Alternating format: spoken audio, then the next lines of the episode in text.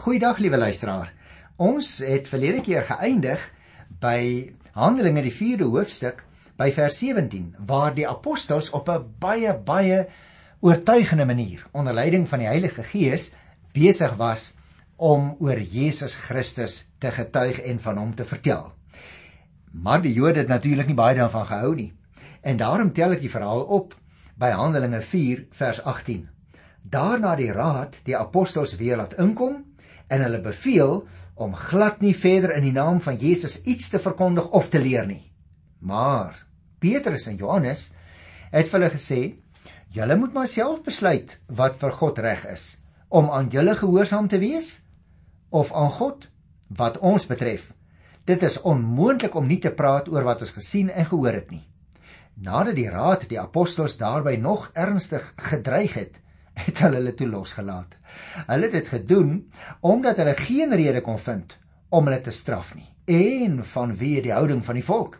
Want al die mense het God geprys oor wat daar gebeur het. Die man wat deur hierdie wonder gesond geword het was immers al oor die 40 nou baie interessant want uh, liewe broer en suster die apostels word nou ingeroep nadat die Joodse raad die Sanhedrin so bietjie beraadslag het en hulle word beveel soos wat daar besluit is. Hulle mag niks meer oor Jesus verkondig of leer nie.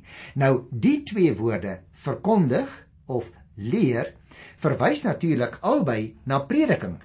Eersgenoemde lyk vir my lê meer klem op die lewende proklamasie en laasgenoemde op die sistematiese uiteensetting Dit is naamlik die twee elemente wat daar in prediking behoort te wees. Die apostel antwoord dus dat die raadslede maar self moet oordeel of hulle meer gesag behoort te hê as God of nie. nou ja, die hele saak word daarby dadelik teruggegooi na die raad toe. Want die apostels gaan in elk geval voort om oor Jesus te praat, omdat hulle net nie kan stil bly oor wat hulle gesien en gehoor het nie tydens Jesus se lewe en sy tyd na sy verskyning en sy opstanding uit die dood nie. Nou, liewe luisteraars, die raad, o, oh, hulle ly geweldige nederlaag want hulle kan nie die apostels straf nie. En daar is twee redes. Daar is geen geldige klag, die Bybel noem dit hier rede, en die raad is natuurlik bang vir die Jerusalemse publiek want die mense reageer vreeslik positief teenoor die apostels. Hulle spreek net nog meer dreigemente uit daar uh, soos hulle ook gedoen het in die 17de vers en dan het hulle nie 'n keuse nie. Hulle moet maar die apostels vrylaat om te gaan. Die volk, lees ons, het God geloof oor die verstommende wonder, want die geneesde man was al 40 jaar lank lam.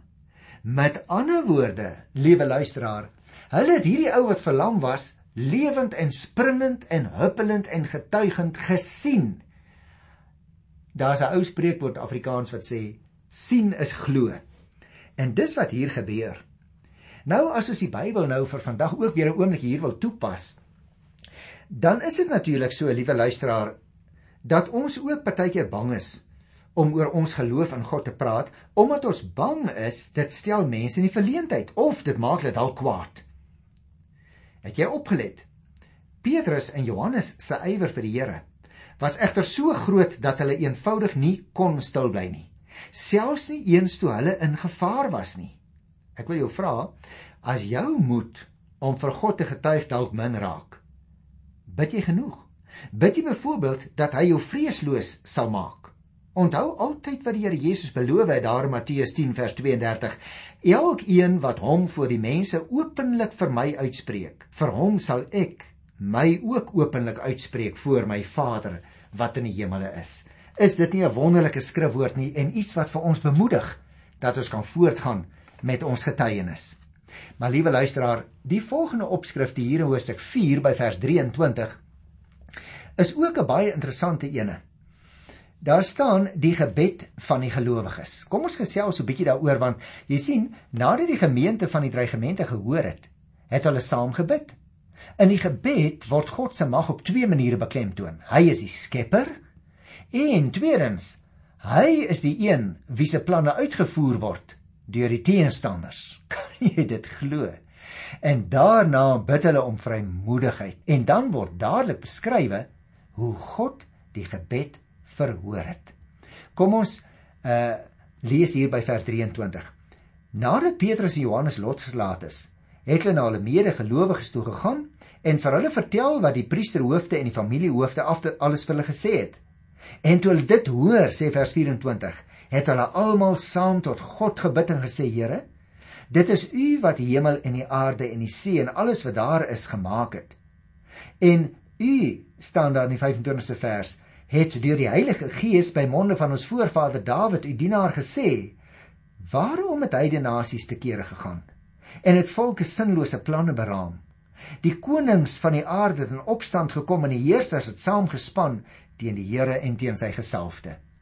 Nou het jy opgemerk, liewe broer en suster, Petrus en Johannes gaan vertel nou wat hulle gehoor het daar by die bijeenkoms van 'n gemeente of 'n deel van die gemeente is nou daar saam vir die priesterhoofde en familiehoofde uh, oor hulle het ons klaar gepraat want hulle wou nie glo nie.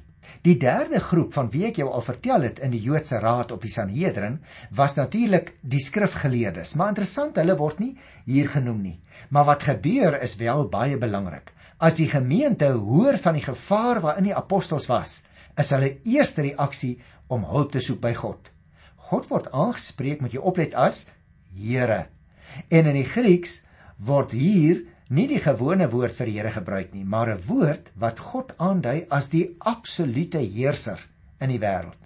Die gemeente put dus hulle moed uit die almag van die Skepper. Interessant ook Psalm 2 vers 1 en ook 'n stukkie van die res van Psalm 2 word letterlik uit die Griekse vertaling van destyds aangehaal. Hulle praat van gesalfde. Jy sien, liewe luisteraar, in die Psalm verwys dit in die eerste plek na die gesalfde koning van God se volk. Die Christene wat dit dus aanhaal, maak dit natuurlik op die Messias wat die gesalfde beteken van toepassing. Die uitleg van die aanhaling word in vers 27 vir ons gegee. Herodes, tussen hakies, is soms koning genoem en word dus hier verbind met vers waar daar staan die konings van die aarde het in opstand gekom en die heersers het saamgespan teen die Here en sy gesalfde. Dit is dus baie belangrik dat ons sal opmerk hier by die 27ste vers, luister daarna. Dit is wat werklik in hierdie stad gebeur het.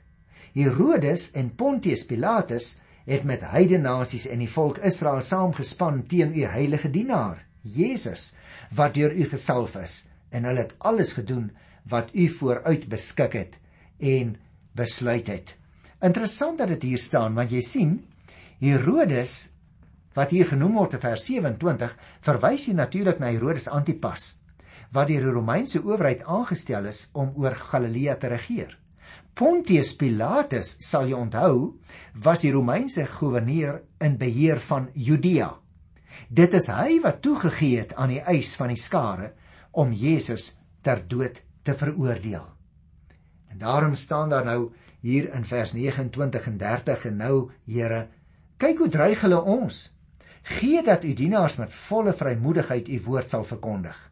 Laat u hand genesing bring en laat daar tekens en wonders plaasvind deur die naam van u heilige dienaar Jesus. O, oh, dis my wonderlik dat dit hier staan, luisteraars, die versoek in die gebed draai nie om die Christene se eie saak nie, maar om God se saak.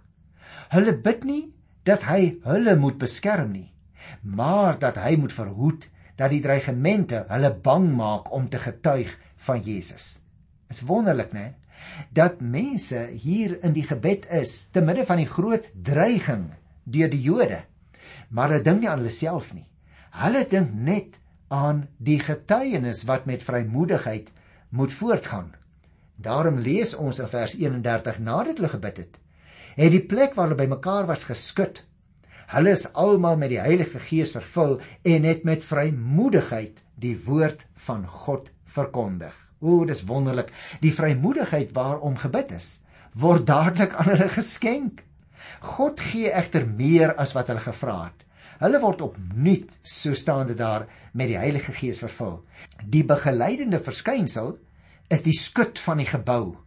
Die bedoeling is dus Nie dat hulle in die tussentyd weer leeggeloop het en van die gees wat hulle op die Pinksterdag ontvang het nie, maar dat die gees wat in hulle woon opnuut volle besit van hulle neem, sodat hulle nie deur vrees beheer word nie, maar deur die gees, nie vrees nie, maar die gees. En dadelik kry ons die volgende opskrifie wat praat oor die onderlinge mededeelsaamheid. Luister vers 32, ek gaan dit lees hier tot by vers uh 35 sommer. Die groot getal wat gelowe geword het, was een van hart en siel. Belangrik dat dit daar so pertinent staan. Niemand het sy goed net vir homself hou nie, maar hulle het alles met mekaar gedeel. Die apostels het kragtadig getuig dat die Here Jesus uit die dood opgestaan het en die genade van God was groot oor almal. Interessant. Liewe luisteraar, die vrymoedigheid waarom gebid is, word dadelik aan hulle geskenk. Maar nou gaan nie net hulle harte oop nie, maar ook hulle sakke in ons terme, ook hulle hande. Dis 'n baie kort vertellingkie eintlik hier wat die besondere eenheid van die gemeente vir ons meedeel en dit dien ook as 'n voorbereiding vir die volgende deel wat ons nou nog gaan behandel oor Ananias en Safira. Jy sien die gemeente bestaan nou al so staan dit hier uit 'n groot getal. Vers 4 het vir ons gesê 5000 mense. En nou sien ons hulle was volkome een. Hart en siel staan daar dui nie op twee verskillende dele van die mens nie, maar dit dui op die innerlike sentrum van die menslike lewe. Die eenheid is nie vertoon nie, maar dis heeltemal eg. Dit kom uit die hart. Ag, luisteraar, kerklike eenheid is nie net 'n geestelike saak nie. Maar dit het ook altyd praktiese konsekwensies. En daarom gee die eerste Christene nie net 'n tiende nie, maar alles wat hulle het. God se genade was groot oor almal, lees ons. Dit wil sê God het almal vervul, ook hulle praktiese lewe ten opsigte van dinge soos mededeelsaamheid. En daarom wil ek die laaste 2 verse van Handelinge 4 lees Josef, 'n Lewiet, wat op Siprus gebore is en wat deur die apostels Barnabas genoem is, dit beteken iemand wat mense moed inpraat, het ook die grond wat hy gehad het verkoop en die geld gebring en dit vir die apostels gegee. Baie interessant. Josef staan hier was 'n Lewiet. Dit wil sê hy was lid van die tempelpersoneel. so hy sê Jood wat tot inkeer gekom het, hè? en hy doen 'n daad wat ooreenkoms vertoon met die opdrag van Jesus aan die ryk jong man. Onthou jy dit nog? Daar Markus Hoofstuk 10 vers 21, hy moet alles gaan verkoop. En hierdie jong man Josef het alles verkoop. Hy het 'n stuk grond gehad en hy bring alles vir die apostels dat dit ook verdeel kan word. Tussen hakies, ons moet ook onthou, luisteraars hier uh in vers 36 is interessant. Hy is deur die apostels sê vers 36 Barnabas genoem. Hierdie Lewiet nou Barnabas wie se naam seun van aanmoediging of seun van troos beteken. Hy was 'n gerespekteerde leier in die vroeë kerk.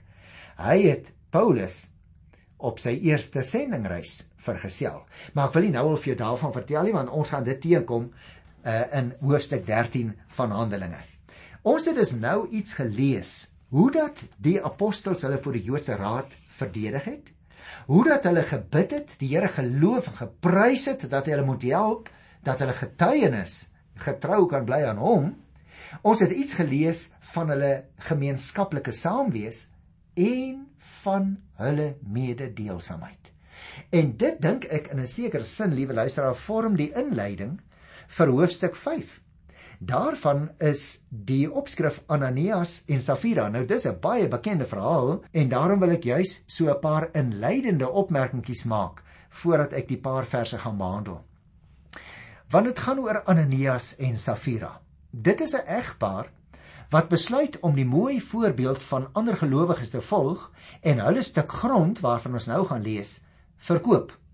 Hulle wil egter nie alles deel soos die ander mense en soos hierdie Lewiet van wie ons nou gelees het in Handelinge 4 vers 36 en 37 nie. Maar en nou moet jy mooi luister. Vir die goeie indruk besluit hulle om niks te sê van die deel wat hulle vir hulle self teruggehou het nie. Hulle het nie gedink dit is nou so erg nie, maar God beskou dit so erg dat hulle vir hom gelieg het. Met ander woorde, uh, liewe broer en suster, in hierdie gedeelte wat ons nou gaan behandel, van Handelinge 5 af tot daar by die hoofstuk 8 by die 3de vers, lees ons dat die kerk met sowel interne probleme as probleme van buite te kampe gehad het.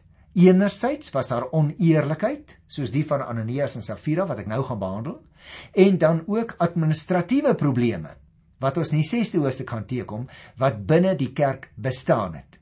Nou kom ek lees die eerste 4 verse van Handelinge 5.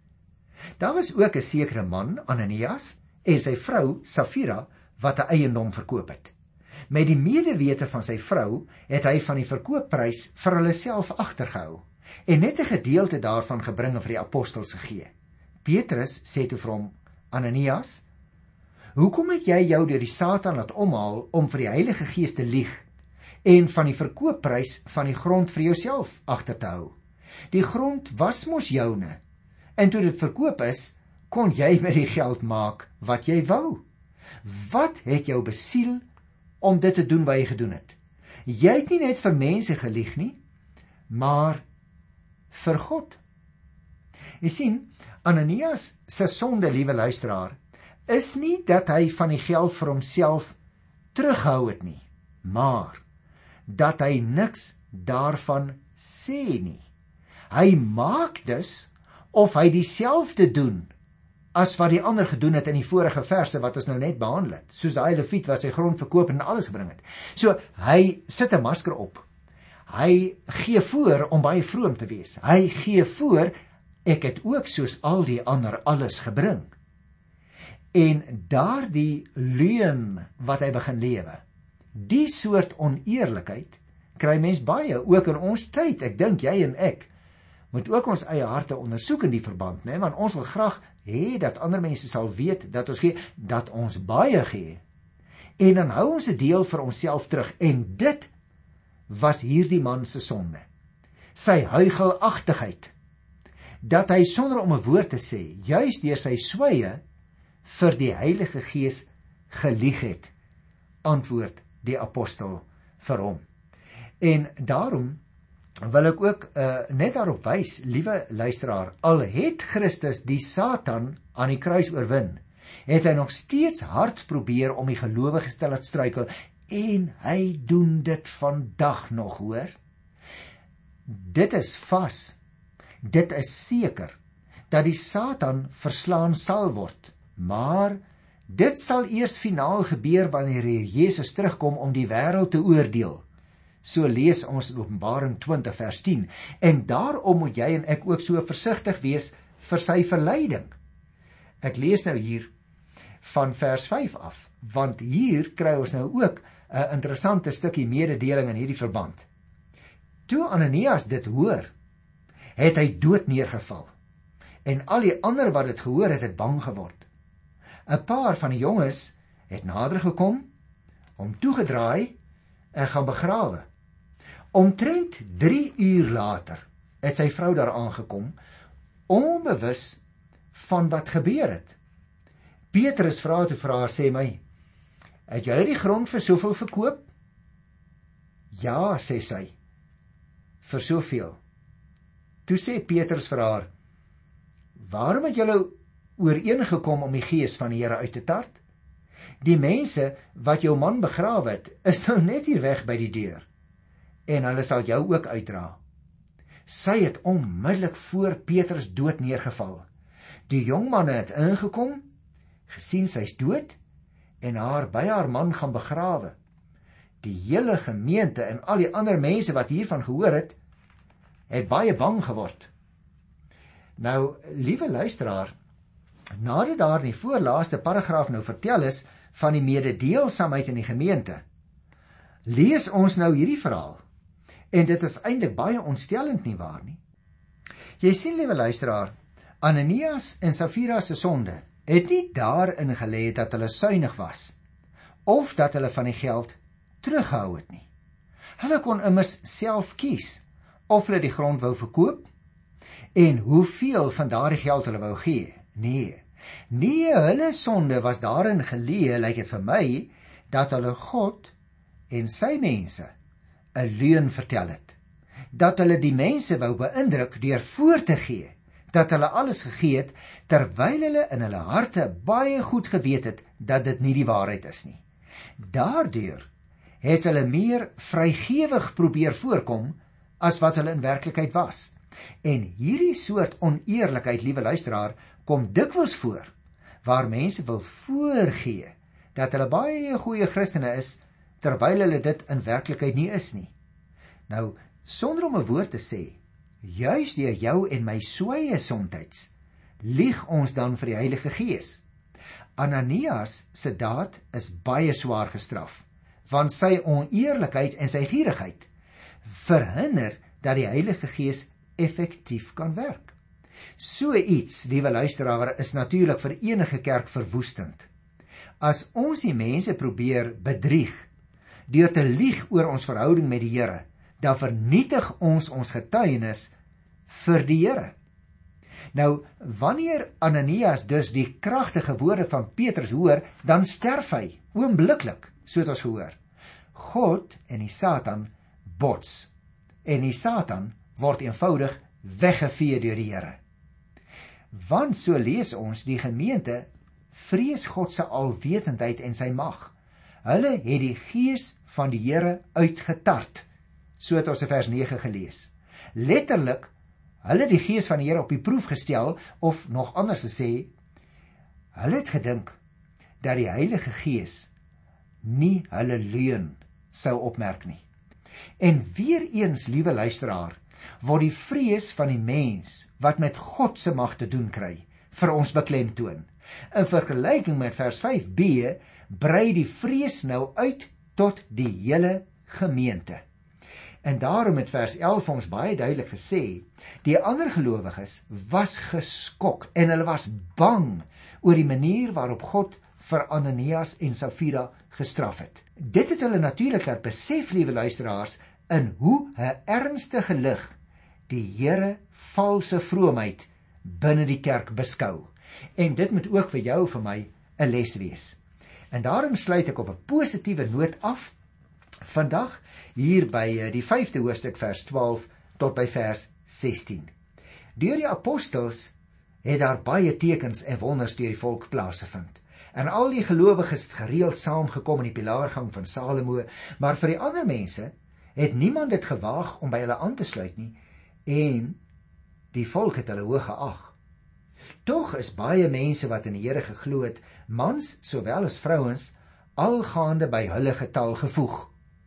Die mense het selfs siekes op straat uitgedra en hulle daarop draagbare en beddens neergesit sodat as Petrus daar verbygaan, al is dit maar net sy skade weer wat op party van hulle kon val.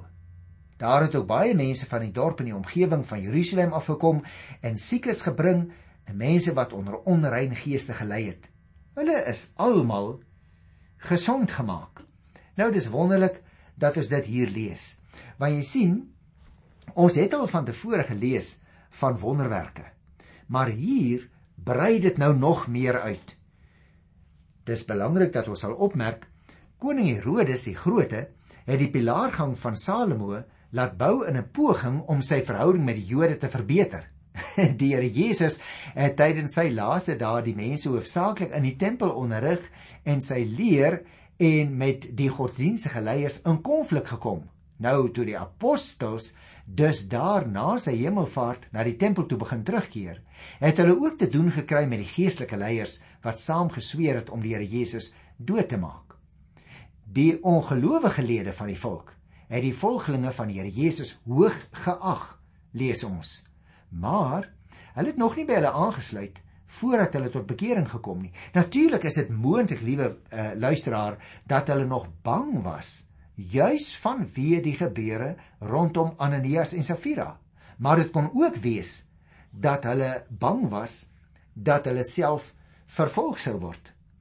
Daarom moet jy en ek onsself ook afvra. Is ek nie soms bang om te getuig van die groot dade van die Here nie omdat ek bang is vir hoe mense negatief teenoor my kan reageer.